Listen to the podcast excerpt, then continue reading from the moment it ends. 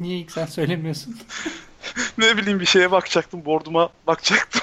Şey falan de derim diye mi korkuyorsun? Object Oriented bu aralar radarıma giriyor.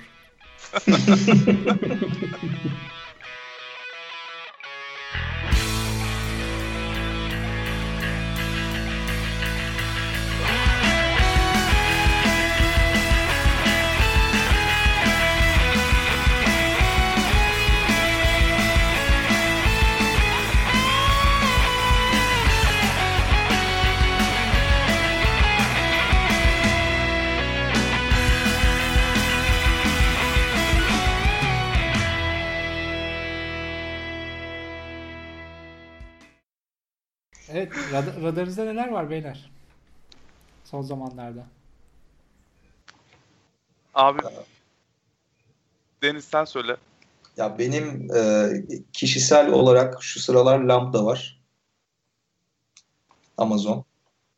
Benim de abi serverless hadiseleriyle uğraşıyorum. Evet. Abi ben iki şeye odaklanmış durumdayım.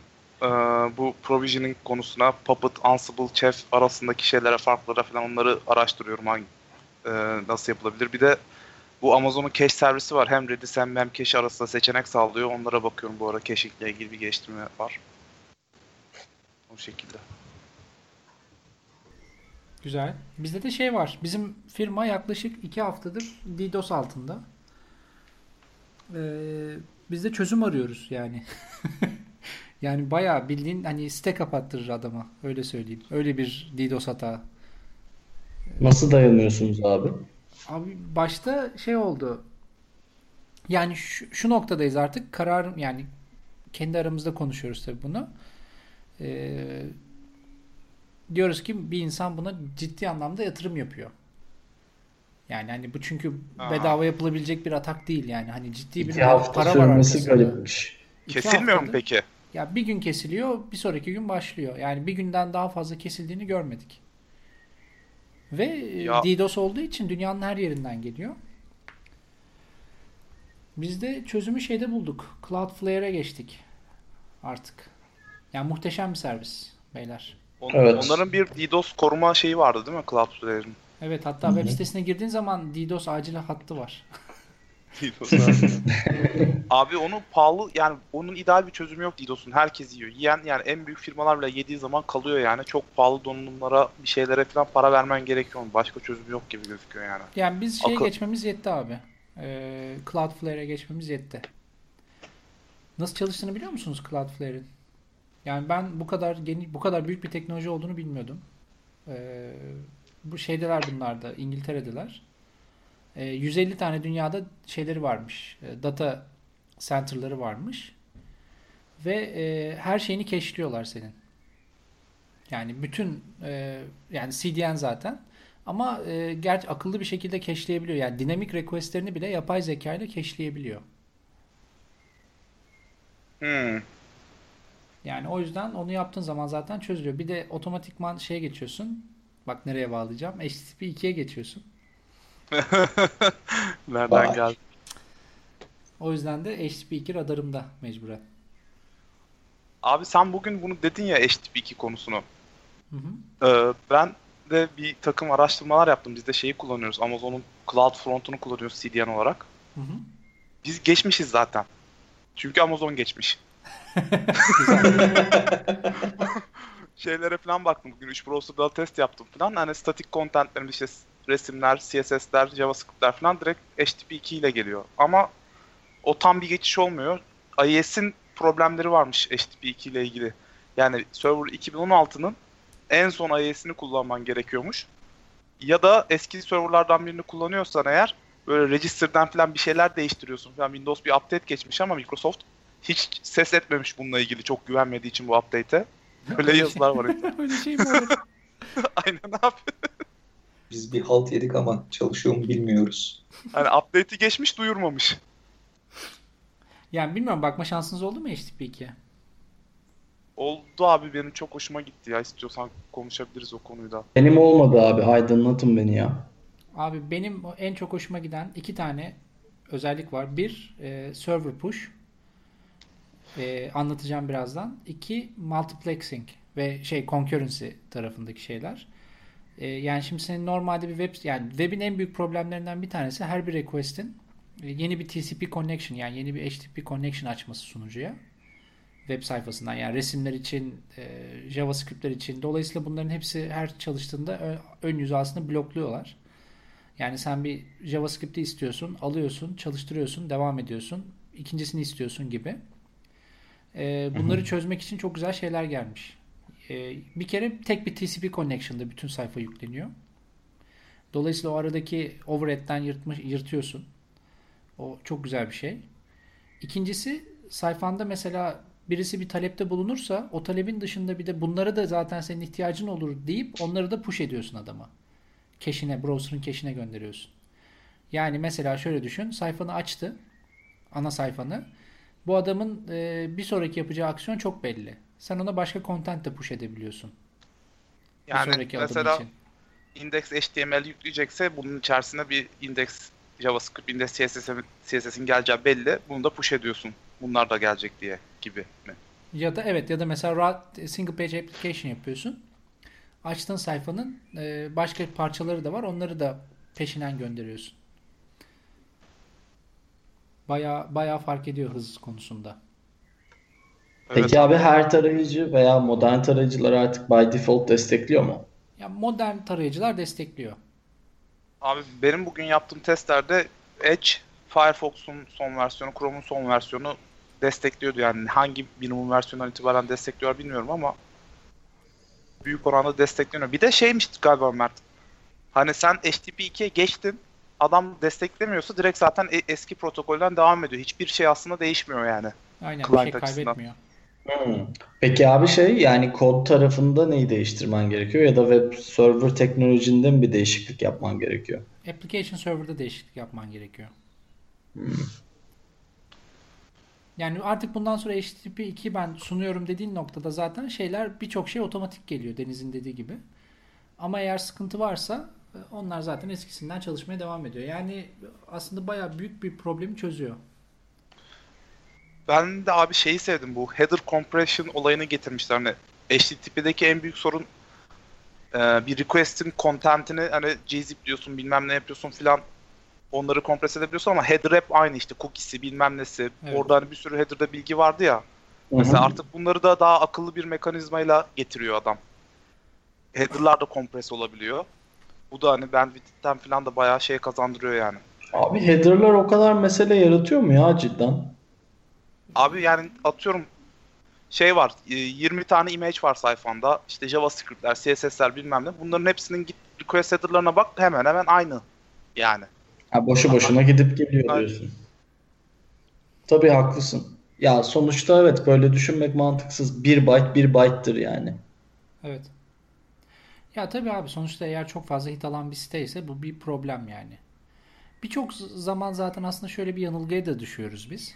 Ee, yani çalıştığın projedeki web sitesi birçok kişi için Türkiye'de e, az insan tarafından konsüm ediliyor. Özellikle enterprise uygulamalar yapıyorsan aslında çok fazla talebin olmuyor. Yani çok fazla müşterin olmuyor.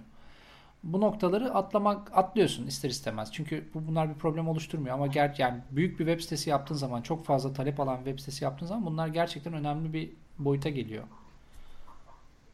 Evet. Tabii haklısın. Bizde de aynı mesele var mesela. Çünkü biz abi B2B çalışıyoruz, enterprise. Hı hı. Ve hani böyle milyonlarca hit alan bir servisimiz yok. O yüzden mesela e, şey e, önümüzde stress testing planları var. Çünkü abi stres testi hiç yapılmamış. Hı hı.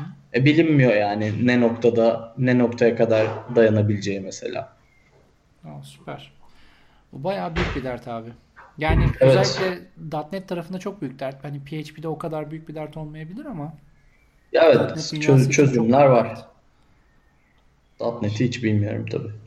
Şeyi soracağım. E, bu multiplex olması aslında server push'u desteklemesi için gereken bir şey değil mi? Yani e, kanalın açık kalması, aynı kanaldan birden fazla data vesaire. Yoksa farklı bir şey mi? Server push aslında senin sunucu tarafında belli kontentleri başka kontentlerle ilişkilendirmen. Yani sunucuda e, yani client talep etmeden sunucunun onları göndermesi durumu. Ee, diğeri hı hı. talep ettiği şeyleri tek bir connection altında alması. Yani handshake'in ortadan kalkması. Bir handshake'le ha. bütün problemi çözüyor olması. Anladım. WebSocket gibi düşünebilirim aslında. Aynı. Aşağı yukarı. Yani yine TCP aynı protokol. Hiçbir şey farklı değil. Farklı olan tek şey e, aynı aynı domainden gelen aynı taleplerde okay. e, şeyi e, ortak bir kutu gibi bir kere de gönderiyor. Benim abi peki. De... Ha, pardon abi sen devam et. Ya, bir soru soracağım da connection pooling gibi düşünebilir miyiz bunu?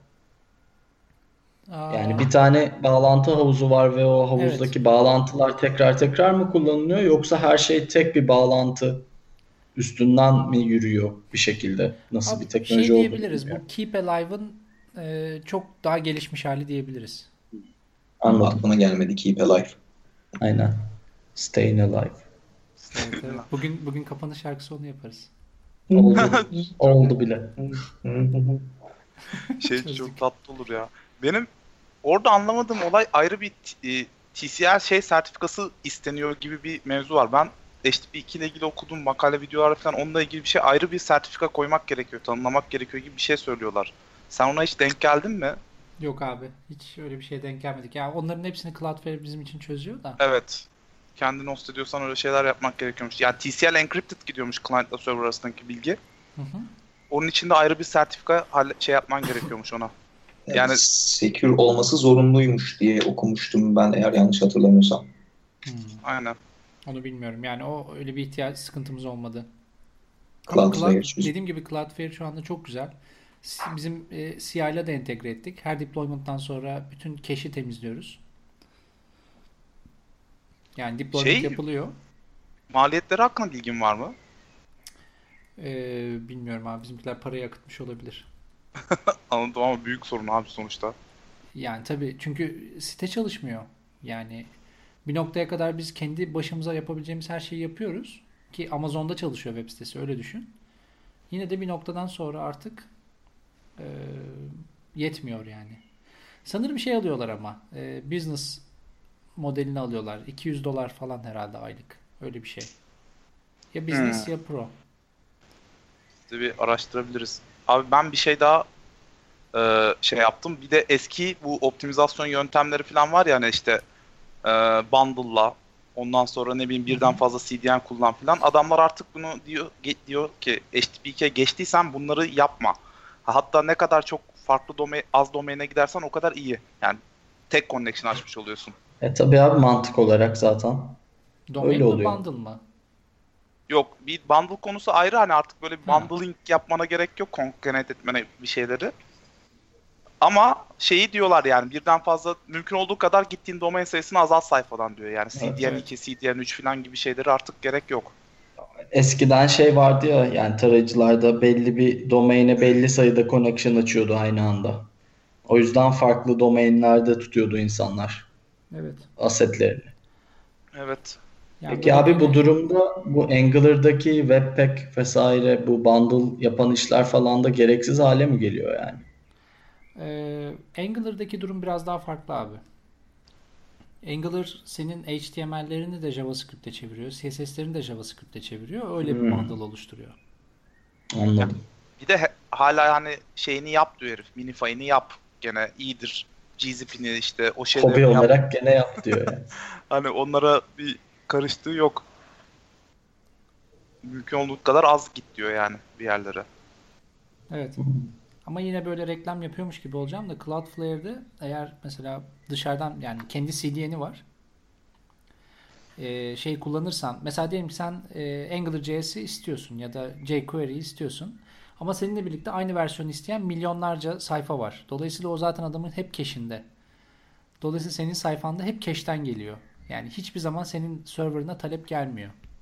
Çok çok net tabii böyle şeyler yani.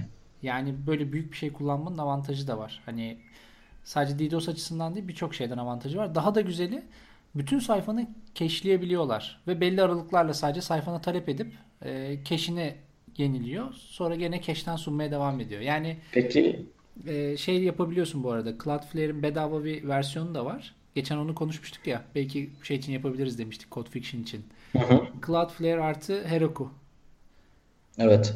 Peki abi sign-in olan kullanıcıları falan nasıl handle ediyor? Cookie'ye göre rule'lar yazabiliyorsun sayfada. Hmm. Varnish gibi.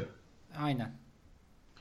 Abi o konuda size katılıyorum. Biz mesela Amazon'un Cloud Front'unu kullanıyoruz ama hani böyle Akamai ile veya e, neydi Cloud sizin Cloudflare. kullandığınız Cloudflare ile falan karşılaştığınız zaman feature olarak eksik yani böyle dynamic işte caching yok şu tür, şu tür polisler koy gibi şeyler yok yani en fazla otomatik gzip yapıyor işte birden fazla region'da falan çalışıyor işte bu HTTP2 gibi şeyleri var ama böyle çok request alıyorsan çok fazla ihtiyacın varsa bir şeyleri daha uğraşmadan yapabiliyorsun. Bu tür daha CDN'e özelleşmiş şeyleri kullanarak, firmaların tool'larını kullanarak.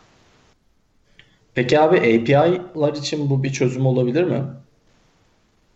Nasıl yani? Ne demek istiyorsun? Yani web sitesinde tamam web sitesini güzel cache'ler, public sayfalarını cache'ler eder falan. Ama hani API'larda falan durum nasıl? Çünkü API'ler direkt hani datanın ön tarafa yansıması olduğu için. Ee, şey işte orada yani Akamai'yi bilmiyorum. Akamai de çok güzel bir şey aslında. Ee, CDN. Ve e, sanırım Facebook bir ara onu kullanıyordu. Evet bir ara kullanıyordu. Hala kullanıyor mu bilmiyorum ama. Bilmiyorum belki satın almıştır. Yok abi Akamai çok büyük ya. Olabilir. Şey var. E, Cloudflare'in e, Railgun'da yanılmıyorsam. Yani Railgun mıydı? Ya da belki sallıyorum. Yani kendi ürettikleri bir teknoloji var. Yapay zeka ile çalışıyormuş. O Quake'de abi. Yok yani Railgun diye bir şeyleri var da. Ee, şey yapıyor. Yapay zeka ile senin sayfandan gelen talepleri anlıyor. En çok talep alan mesela bir şey var. REST API'm var. Ama dinamik. Onu bir şekilde optimize edip e, o gelen onu bir şekilde cache'lemenin bir yolunu buluyor. Sayfanın belli noktalarını cache'leyebiliyor. Öyle yapay zeka ile bir şey yapmışlar. Hayvanca. Machine Learning'in bu kadar hayatımıza girmesi, tool'ları falan özelleştirmesi falan benim çok hoşuma gitmeye başladı ya. Beni de bir o kadar korkutuyor. Oraya gidecek abi ya. Baya hani konunun dışına çıkıyormuş gibi oluyorum ama hani şimdi sosyal yapının falan değişme ihtimali var bir 20, 20 sene içerisinde. Evet abi. Onunla ilgili bir sürü teori var bu arada. Hiç okudunuz mu bilmiyorum ama benim bayağı ilgimi çekiyor. Bu mesela kendi kendini kullanan arabalar e, Uber sürücülerini işsiz bırakacak mesela ya da taksicileri işsiz bırakacak. Kamyon sürücüleri için de aynı şeyi söylüyorlar. Ha, ya da mesela işte mesela böyle yapay zekalar bir noktadan sonra insanları işsiz bırakmaya başladığı zaman işte nasıl bunu önleyebiliriz? İnsanlığı nasıl hayatta tutabiliriz? gibi böyle teoriler var. Bunlardan bir tanesi de yanılmıyorsam bir e, Fransız bir şeyin düşünürün şeyi diyor ki insanlara sabit maaş verilecek. Evet abi bu en büyük teori zaten. Yani Komünizm işte- geliyor gençler. Dijital komünizm. Yani herkes çalışmadığı zaman kendisine yetecek kadar para alacak. Çünkü zaten yapay zekilerden insanlar bu parayı kazanacaklar. Yani devletler kazanacak bu parayı. Peki ya bir gün o sınıf baş kaldırırsa ne olacak? Yapay zekiler mi? Evet. O zaman elimize alacağız silahı. Vallahi ben hiç şey yapmam ya. Direkt Skynet tarafını tutarım yani. Hiç uğraşmam. Çok Değil mi? fazla insan var. İnsanlıktan umudunu kesen arkadaşlarımız. Ben çok misantropist olmayayım ama. Abi bizim yani o TensorFlow'lar falan almış yürümüş. Bizim şirkette bir arkadaşımız bize bir sunum yaptı bu TensorFlow'la ilgili. Şeydi yani e, işte machine learning, learning algoritmasıyla şey yaptı. Kılıçdaroğlu generator yaptı. Hani onun konuşmalarını. Böyle hakikaten atıyorum 12 saatlik bir şeyin iterasyonun dump'ını aldı. Ondan gösterdi böyle. Hakikaten anlamlı bir şeyler çıktı yani. Adamın böyle 2 mega 2,5 megabaytlık datayla 12 saat çalıştırdı tamam mı? Sürekli böyle bir eee, bu yapay sinir ağları gibi bir sistemle ortaya çıkan şeyler, tekstler gayet anlamlıydı yani. Aa, süper. Ben bu hafta şeye gidiyorum. Cuma akşamı bir meetup var. Bu GoTo diye bir şey var biliyor musunuz? Etkinlik. Hı hı. Evet. Ee, Biliyorum onların abi. onların meetup'ı var. Deep Learning with DCOS and TensorFlow diye. Abi Cuma af buyurun ama bu bu şey kelimeleri açıklar mısınız? TensorFlow nedir? Aa, TensorFlow sanırım bir şey e, ya ben de işte öğrenmeye gidiyorum. Ee, şey Ama- TensorFlow e, şey Google'ın daha sonra Google satın aldı gerçi bunu da e, yapay zeka framework'ü yani yapay sinir ağlarını oluşturabileceğin bir framework aslında. Hmm, hmm. Yani aslında Ee, bir library. Anladım. Yani bir tekniğin ismi değil, bir teknolojinin ismi. Aynen öyle abi. Bir Okey. library'nin ismi. Ama şey yapıyorlar sa- sanırım bununla yani böyle bir data flow grafikleri çizerek yapıyorlar. Yani elindeki datayı e, öğrenmeye yönlendiriyorsun. Evet. Anladım. O zaman Web 2.0'a döndüreyim mi konuyu gene? Döndür abi. Saptık. Peki abi şimdi diyelim ben bugün geçmek istiyorum yani Web 2.0'a. Bir tane web sitem var. Örnek veriyorum. Hadi eskilerden vereyim. Flash oyun sitem var tamam mı? Acayip trafik alıyor. Ev kiramı onunla ödüyorum. Ama artık kaldıramıyor falan. Bunu yaptığım zaman mesela e, trafiği aldığım trafiği ikiye katlayabilir miyim veya bir buçuğa katlayabilir miyim? Böyle ciddi bir performans farkı mı sağlıyor bana? Flash özelinde mi diyorsun abi? Hayır abi. Ha, Web genel olarak. sitesinin genel olarak. 100 bin Abi- tane imaj olduğunu düşün abi bir sayfada yani. Abi benim izlediğim sunumlarda bu adam şey koymuş başına. TL, TLDR diye bir kavram var ya işte özet geç. Geçin diyor yani. Hiç gözünüz kapalı bir şekilde geçin. Yani hakikaten performansla default ayarlarıyla bile hakikaten gözle görülür bir performans sağlıyor sana. HTTP2 eğer serverlarını destekliyorsa. Bir de Yani onu fine tuning edebiliyorsun işte Mert'in dediği gibi işte şunu push et, bunu push et, bu varsa bunu yüklemene gerek yok gibi. Hı hı. Yani o yüzden destekliyorsa eğer altyapın geç. Altyapının desteklemesini bir açsana Deniz. Orada abi şeyi kastediyorlar yani web server'ını kullandığım web server'ın hani mesela IIS örneğini verdim ya az önce. Hı hı. Bu HTTP2 protokolünü destekliyor olması lazım. Yani client soruyor sen destekliyor musun önce diye. Desteklemiyorsa HTTP 1 olarak devam Bir ediyor yani. olarak devam ediyor. Aynen. Abi zaten çok seçenek yok yani. Apache, Nginx, IIS. Evet benim anladığım kadarıyla zaten Apache Nginx falan onlar çoktan 2015-2016 Geçmişlerdir. tarihlerde geçmişler yani.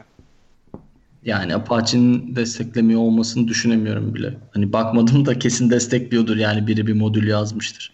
Node filan da destekliyor işte hani bayağı bir platform destekliyor. Daha çok hani ilk şey desteklemiş bu Google'un Golang falan o tür onu destekleyen E, altyapıları şey yapmış. Google'ın bir protokolü vardı Speedy diye. Heh iyi hatırlattın abi bu HTTP2 dediğin olay Speed'in üzerine kuruluyor zaten. Hani adamlar ilk HTTP birbirindeki eksikleri görüyorlar biz ne yapalım falan diye. HTTP2'nin proto şeyiymiş o prototipiymiş Speed'in Hmm. gibi bir şey okudum. Ama şu an peki Web Konsorsiyum tarafından falan tamamen kabul edilmiş mi yani? Edilmiştir diye tahmin ediyorum. Bu kadar ciddi bir noktaya geldiğine göre cahilliğime verin ama. Abi ben oldu hani zaten abi. kısmını 2015'te 2015'te release oldu. Yani iki sene önce release oldu. Allah'ım Allah'ım hep aynı projenin içinde çalışmak ne kadar kötü bir şey. Hiç kafanı çıkarıp bakamıyorsun bazen yani. Abi de sordun ya bir de biz yani bak işte biz ben de hani bugün baktım hakikaten biz destekliyormuşuz mesela kullandığımız CDN'den dolayı. İster Yaklaşık istemez. bir yıldır falan. HTTP2 ile çalışıyor sitenin yarısı. Ama yarısı. Yani adamlar ama şey diyor abi sen zaten HTTP2'ye direkt geçemiyorsan bile önce statik kontentini geçir. Hani. Onlar önemli- tek bir yerden gitsin. Aynen.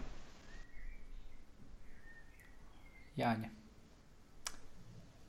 Ama işte az önce söyledin ya abi işte böyle tek bir proje içinde çalıştığın zaman ister istemez böyle bir yavaş yavaş körelmeye başlıyorsun.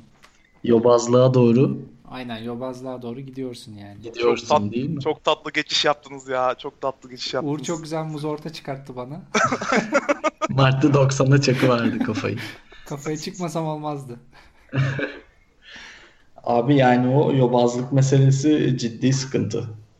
Evet abi ya Çünkü- yani çağımızın problemi. Ee, nasıl diyeyim? Köreltiyor abi. Ve işinden aldığın hazzı ve tatmini de yok ediyor aynı zamanda. Yani nasıl başlıyor bu yobazlık? Yani başlangıç süreci ne sizce? Yanlış Bence aynı, aynı şirkette çok uzun süre çalışma. Aa, abi bir de ben hani kendimden ve kendi izlenimden örnek vereyim. Tecrübe kazandıkça yobazlaşmaya olan şeyin de yatkınlığın da artmaya başlıyor birazcık.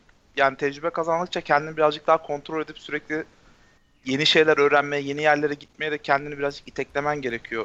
Yani ilk başladığın zamanlarda daha atlangoç, daha hevesli oluyorsun ya bu işe. Hani Tabii. o zamanlar o ihtimal daha düşük ama tecrübe şeyin arttıkça böyle comfort zone'unu daha sağlamlaştırabiliyorsun. Özel bir çaba sarf etmen gerekiyor. Ya öğrenme hızının yavaşlaması diyebilir miyiz? Veya azalması. Çünkü daha zor öğreniyorsun abi yaşın ilerledikçe. Daha zorlanıyorsun. Yeni bir şey öğrenmek yerine bildiğin yoldan yapmayı tercih ediyorsun. Olabilir. Yani aslında konfor zona giriyorsun. Gidiyorsun, çıkmak da istemiyorsun. Haklı olarak. Şeyi biliyor musunuz? Yobaz kelimesinin anlamı ne? Hiç, hiç baktınız mı böyle etimolojik kökenine? Yo. Yani, yobaz kelimesi, yobaz kelimesi şey, e, iri demek ya da köylü. Yani böyle sonuçta köyde yaşayan insanlar baktığın zaman hani sürekli fiziksel aktivitelerde bulundukları için birazcık daha böyle iri yarılar ya. Hı? E, oradan başlıyor aslında ve böyle bu siyasal hani şey zamanları, darbe zamanları falan şey olarak kullanılmaya başlanıyor. Hani yobaz olmak. Türkçe mi peki kelime? Ya Osmanlı'dan gelen bir kelime. Farsçadır kesin. Bilmiyorum. Ama yobaz küçük ünlü büyük ünlü uyumuna uyuyor mu? O'dan, Uyuyor, O'dan sonra uyuyor. A geliyor. Üye uyuyor en azından. Evet evet. Ee, küçüğe uymuyor galiba. A'dan sonra O gelebiliyordu da O'dan sonra A olmuyordu gibi bir şey. Bunları nasıl aklınıza tutmuşsunuz inanamıyorum. Küçük bir uyumunu falan ya. Ben sadece bir tanesini öğrenebildim. O da büyük. Kalın kalın sesliden sonra kalın sesli gelir. Onu biliyorum. Yani aslında şey e, kaba kuvveti öne çıkartan gibi böyle bir hani code fiction yorum yapabiliriz buna bence. Baktığın zaman da e, yani bizim şey sektöre uygulamaya çalıştığın zaman da yobazı aslında gerçekten de kaba kuvveti e, uygulayan kişi çok çalışmak, e, gece gündüz çalışarak belki bir problemi çözmek. Mesela e, kullanması yani çözmesi gereken bir problem var ve problemi çözmek için yapması gereken şeyi bir şekilde akıllı bir adam olduğu için anlayıp ona göre çözüme ulaştırabiliyor. Ama mesela bunun için bir third party bir tool aramıyor. Oturuyor kendi yazıyor mesela. Ama burada görmediği bir nokta var. Ee, bunların open source'larını ya da işte bir third party bir projeyi kullandığın zaman e, bunların bütün birçok senin düşünmediğin case'i düşünülmüş. Ama Evet. sen kendin yazınca bunları düşünemiyorsun. Çünkü senin problem dünyan o değil yani. Tabii. Gibi. Problem uzayın küçük abi. Aynen. Gibi böyle belki yorumlanabilir. Ya Mesela- ben tam öyle anlamıyorum ya. Özür dilerim kestim birini ama çok kısa bir şey diyeceğim. Ya ben Mert'in dediği yönteme genelde şey diyorum abi. Brute forcing diyorum. Aslında hani kaba saba aslında uyuyor yani ama bir problemi çözdükten sonra eğer sen o problemin daha iyi çözümlerini aramıyorsan Evet. ve Yapmaz o mısın? Çözdün ve öyle bıraktıysan abi kendini geliştirmeyi de durduruyorsun çünkü o noktada. Ve aynı problemleri veya benzer problemleri hep aynı yaklaşımla çözüyorsan bence biraz yobaz oluyorsun. Yani mesela bir şeye 3 yıl önce bir çözüm buldun ve karşına çıktığı her anda o 3 sene önce bulduğun çözümü kullanıyorsun. Ama aslında daha iyi çözümleri var. Gibi. Hiç araştırmıyorsun. Mesela Ya da araştıramıyorsun. Builder Evet. Manager. Ne manager? Ma- Manager pattern gibi böyle. Service Manager, X Manager, Y Manager. manager pattern. Hakikaten ha. Bir de abi işte sadece kendi suçun da değil aslında. Tamam hani kendi çabanla belki bunun üstesinden gelirsin ama çalıştığın iş yeri de bazen sen- seni buna itiyor. Çünkü e, eğer çok böyle sıkı deadline'larla çalışıyorsan ya da işte iş yerin kendini geliştirmene imkan vermiyorsa Hı hı. o zaman e, bayağı tatsız bir durum aslında. Dökül Uğur dökül. Ah ah bir konuşsam. Abi orada galiba iki çeşit yobaz developer var. Bir yobazlaştığının farkında olan, önlem almayan, bir de farkında olmayan. İkincisi daha tehlikeli mi? Hangisi daha tehlikeli bilemedim. Hiç farkında olmayan bence en tehlikelisi abi. Evet. Cahil adam. Cahil evet. adamdan korkacaksın. Cahillik mi yoksa şey mi işte o comfort zone içerisinde kalıp rahatlamak mı? Hani ben old school'um abi. Ee, yani şu an ilk aklıma gelen oydu. Hadi hadi Bura- oraya yapalım. buralar, buralar sazlıktı ben geldiğimde diye. Bilmiyorum ya ama hani kendini geliştirmezsen abi bir işinden sıkılmaya başlıyorsun. İki etrafına tat vermiyorsun. Üçüncüsü de abi genç adamlar geldiği zaman şirkete onlar senden tiksiniyor. Evet abi onlar da illallah ediyor. Ki bir de bunun evreleri var aslında. Ya evreleri mi denir yoksa e, hani yobazlığa geçiş işte mesela şu an konuştuklarımız hep şeydi. E, bilgi birikiminden dolayı comfort zone üzerine durmak. Bir de e, mesela bu tarz abilerin, ablaların yanında çalışmaktan dolayı e, bu şekilde öğrenip hani en başta dediğim benim aslında yanlış yönlendirmeden kastım buydu. De böyle olanlar var. Tabii onların akıllı olanı herhalde kurtulur bundan da biraz aklını kullanamayan sabit kalabilir o öyle. Ya abi olay sadece teknik taraf da değil galiba. Hani yazılım geliştirme metodolojilerini falan da bunun içine katabiliriz. Gibi geliyor. Ya da kullandığın tool'ları ne bileyim adam hala source control falan kullanıyorsa sayılabilir mi? Sayılır herhalde. Source Kontrol con mü? Ay işte neydi ya? SVN diyor SVN. Ha SVN bir de ondan önce Microsoft'un daha kötü bir TFS. şeyi vardı. ha, şey TFS'ten de önce Neydi saçma sapan bir şeydi. Ee, anladım. Dosyaları sadece read only yapıyordu.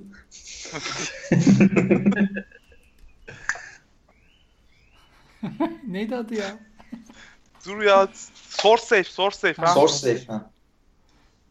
Böyle bir şey vardı ya. Ben onunla başladım hayatıma. Hep öyle sanıyordum. İşte abi düşünsene şu an hala öyle sandığını düşün. Ne kadar kötü. Abi bize şey geliyor ama var yani. Ben biliyorum. O şeyde. Ama bunun senin dediğine katılıyorum burada. Hani bu sırf bir insanın suçu olmayabilir. Şirketin şartlarından da kaynaklanıyor olabilir. Ama tabii bir de Ama şirketin şartları eğer seni buna itiyorsa o şirkette yani set yani senin de bir katkının olması lazım değil mi? Evet. ya iyi de şirkette senin katkını kabul edecek abi. Yani kabul edemeyeceği durumlarda olabilir. Ee, Ben kendimden örnek vereyim. İşte daha önceki bir danışmanlık için gittiğim bir yerde e, 2010-2011'lerde şey böyle 2000'lerin başında yazılmış Visual Basic uygulaması vardı. .NET değil, VB.NET değil, VB. Source Safe vardı.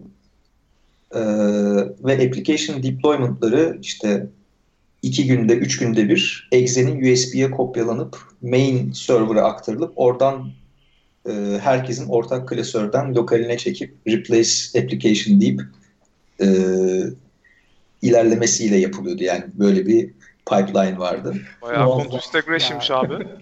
Muazzam gerçekten. Ee, ve muazzam bir development environment vardı. Hiçbir şekilde internet bağlantısı yok. Ee, ama iyi yani iyi yanı olarak lokalinde SQL var. Artı işte kullandığın Visual Studio diyesim geliyor da değil o tool artık Visual Studio demiyorum ona. Adını unuttum. Şu Excel'in makro şey zırıltısını mı diyorsun? Visual Basic ya. Ee, VB'nin editörü ya. İşte Unuttum Visual adını. Basic onun adı. Editörünü de aynı. Ee, yani zaten application karman çorman yani ASDF diye bir global değişken tanımlamak istediğin zaman mutlaka var. Ahmet var, Mehmet var. Yani Hasan dedim, Hasan bile vardı yani. Hasan bir yaptım yoktu. Öyle bir yere ihtiyacım olmuştu artık. Neyse. Yani bir sayfada o zaman maksimum ya 128 ya 256 tane user control eklemesine izin veriyordu bir forma. Ve o limiti aşan ekranlar vardı. Bir kontrolü ortak kullanıyordun. İşte pozisyonunu kaydırıyordun falan yani öyle bir application. e, development environment'ı da burası bir hukuk bürosuydu ve e, bu bilgilerin dışarı sızmamasından emin olmaları için buradaki kişiler, yetkili abiler hiçbir şekilde bu makineyi, development makinesini e, internete bağlamıyordu.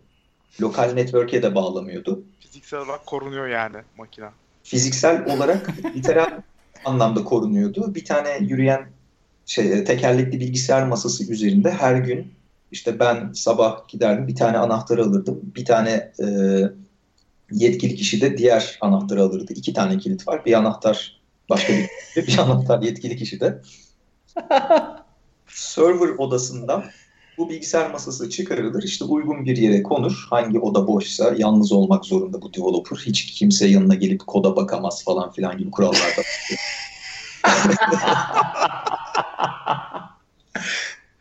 Abi saçların hala siyah mı? Beyazladı mı? Ee, şey ben küçükken sarışınmışım. Orada karardı. Biraz şey böyle koyulaştı diyeyim. Abi Oğlum yani gerçekten Deniz sen ona ya. çok iyi dayandın abi ya. Yani Ve bir yani şey adamları bir süre yenilik gittin üretemez. yani.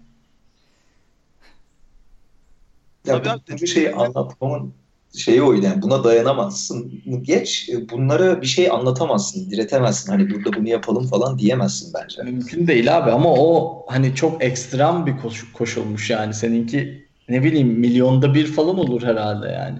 Tabii tabii orası yani herhalde şeyin en yobaz yeri. Hani Türkiye'de baktığın zaman en Yazılım yeri. geliştirmenin dibi. Aynen aynen. bir orası var bir de merdiven altı yazılım yapan yerler var işte. Kötü abi. Abi ya, bir arada ince bir fark var. Ben onu açıklayamıyorum. Ee, yani yobaz deyince hani böyle sırf eski teknoloji kullanan adam ka- o yeterli değil o kavramı açıklamak için. Bir, bir ufak bir fark var arada hani. Bunu tercih etmek galiba. Hani Yani battı balık yan giderlik de bir yobazlık bence. Yani öyle. Bana kalırsa da öyle. Peki nasıl kurtuluruz? Ne yapmamak lazım? Nasıl önlemler alması lazım? İstemek lazım abi önce. Kurtulmayı isteyeceğim. Bayağı uyuşturucu bağımlılığı gibi. Ya adam Böyle şey birinci-. Ya da kabul. Birinci süreç kabul abi. İnkar, inkar aşamasını geçeceksin sonra kabul. Aynen ya da e, adam şeye bakıyor işte orada hani taş kurbağa meselesi. Lan şimdi bunları yapsam e, bu kadar şeye girdim bana ne getirecek? Yani biraz bakış açısıyla da önemli işte geniş, büyük çerçeve ne derseniz deyin. Abi belki ondan önce şeye başlayabiliriz. Yani ben yobaz mıyım? Nasıl anlarsın? Nasıl farkına varırsın? Yani kendinin yobaz Ben- olup olmadığını. Kendimden örnek vereyim mi başkası girmeyecekse? Git tabii abi devam et. Ee, Java yobazı olduğumu Objective-C yani iOS application projesi geldiğimde fark ettim. Nasıl anladın? Nasıl anladım? Abi her yer Java değil. Birincisi hani hani çok basit. Ya tabii bu işin şakası ama hani Java'nın sloganı oydu ya e, write e, somewhere run everywhere falan filan ona benzeyen bir şeydi. Yani bir kere yaz her yerde çalışır hesabı. Bir kere bu yalan. Yani her platform bunu yapamazsın. İOS'te çalışmıyor. yani çalışmaz.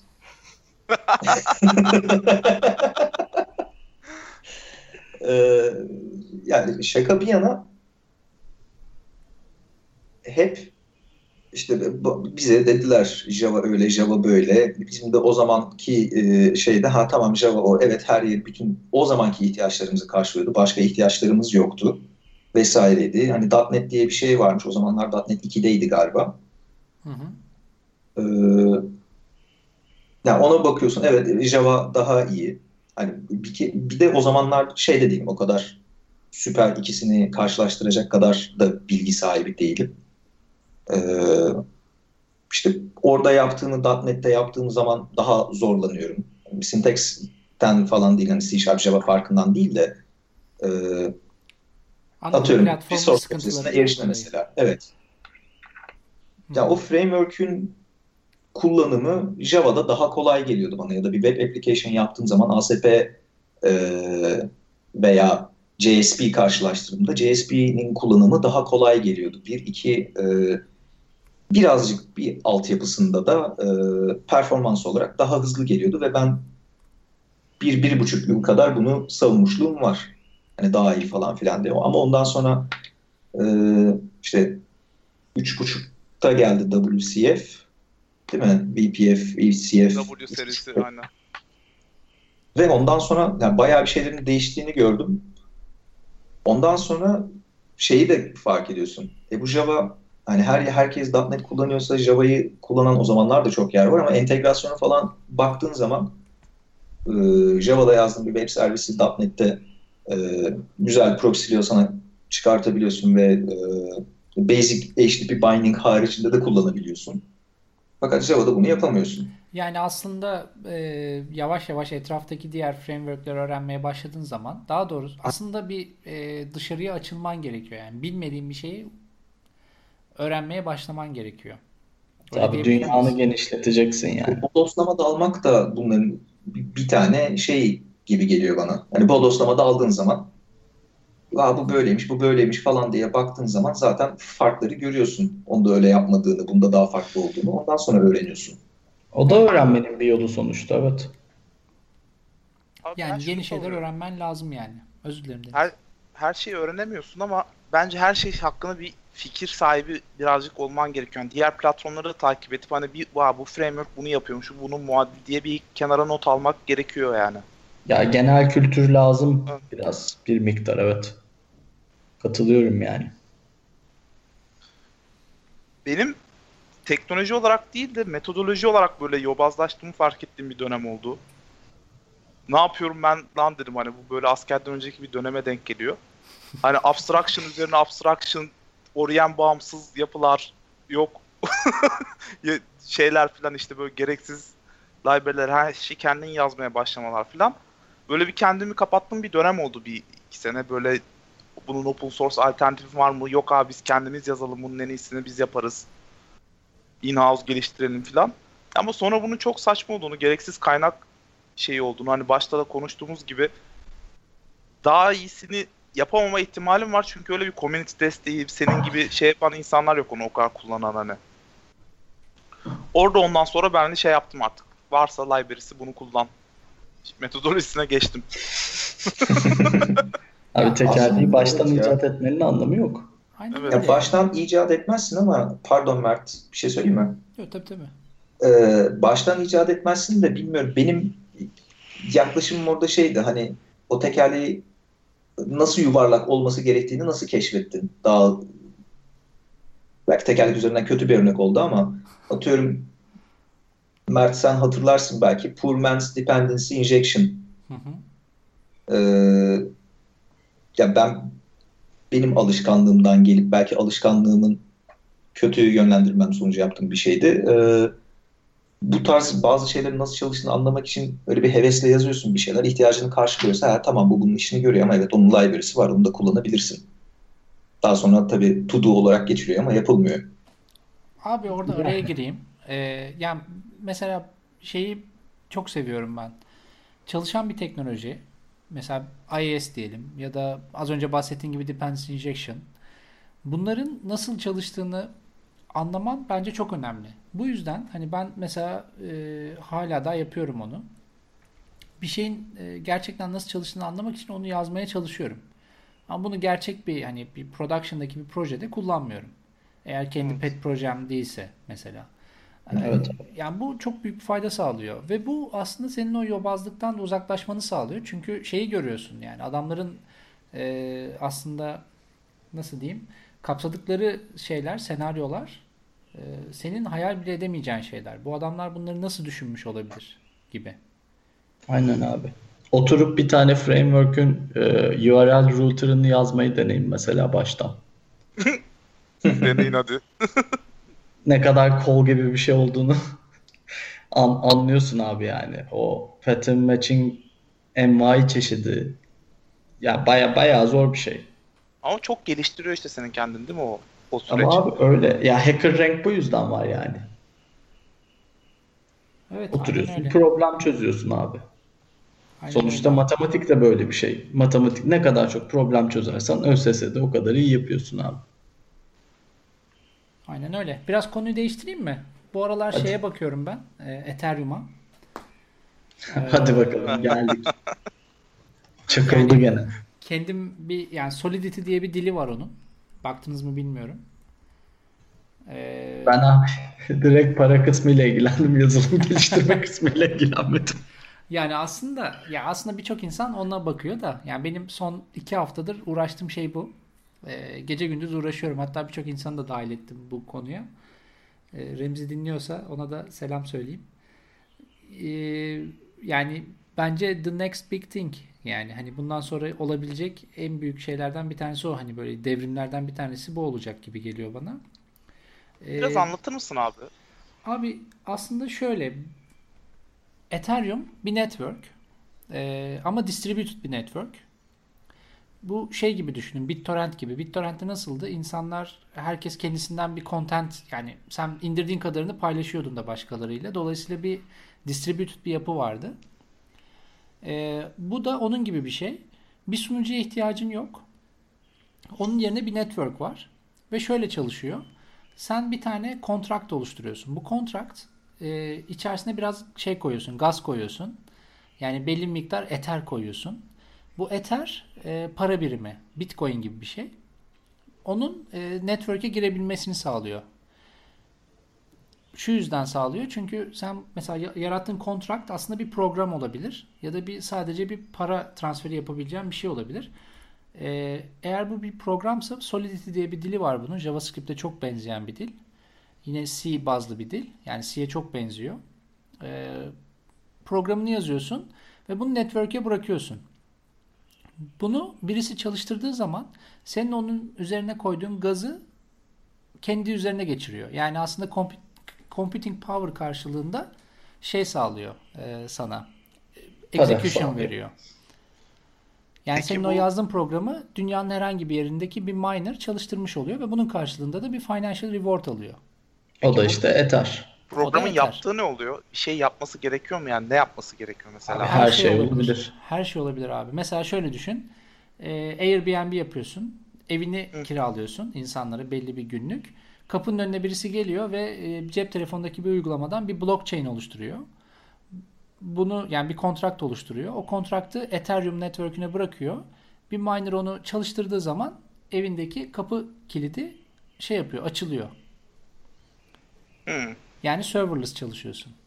Ya Miner, miner de karşılığında para alıyor. Aynen öyle. Yani ne kadar para birimi alıyor.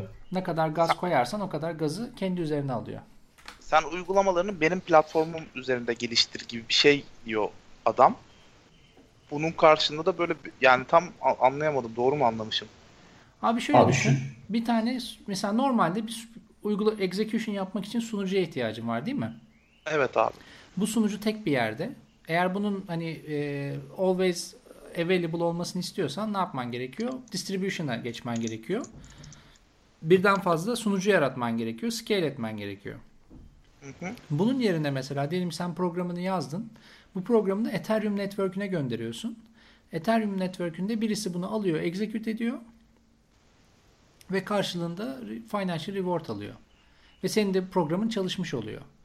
Gazı, Ha, gazı Şey olduğu kadar gibi. çalışmaya devam ediyor program. Yani şey yapabiliyorsun böyle çok uzun süre çalışan programlar da yapabiliyorsun ama onun karşılığında sürekli Ethereum vermen lazım. Yani bunlara akıllı kontrat diyorlar işte. Aynen. O kontratların evet, ismi akıllı contract. kontrat. O yani sadece iki kişinin imzası karşılığı olan bir kontrat değil de bir sürü requirement'ın e, met olduğu bir kontrat. Onların hepsi olduğu zaman kilit açılıyor. Evet. Peki. Karşılığında da miner parayı alıyor. son soru bu Ethereum koymak kısmı bildiğin maddi anlamda bir şey mi koyuyorsun? Yani ne koyuyorsun? Ethereum Network'ün adı. Ether o network'ün para birimi. birim. Para birimi. Ha anladım. O yüzden bu kendi gerçek para birimini bir Ether'e çevirmen gerekiyor ilk başta bir belli bir miktar. Evet Yani abi. aynen öyle. Programı çalıştırabilmek için belli bir miktar initial Ether'e ihtiyacım var.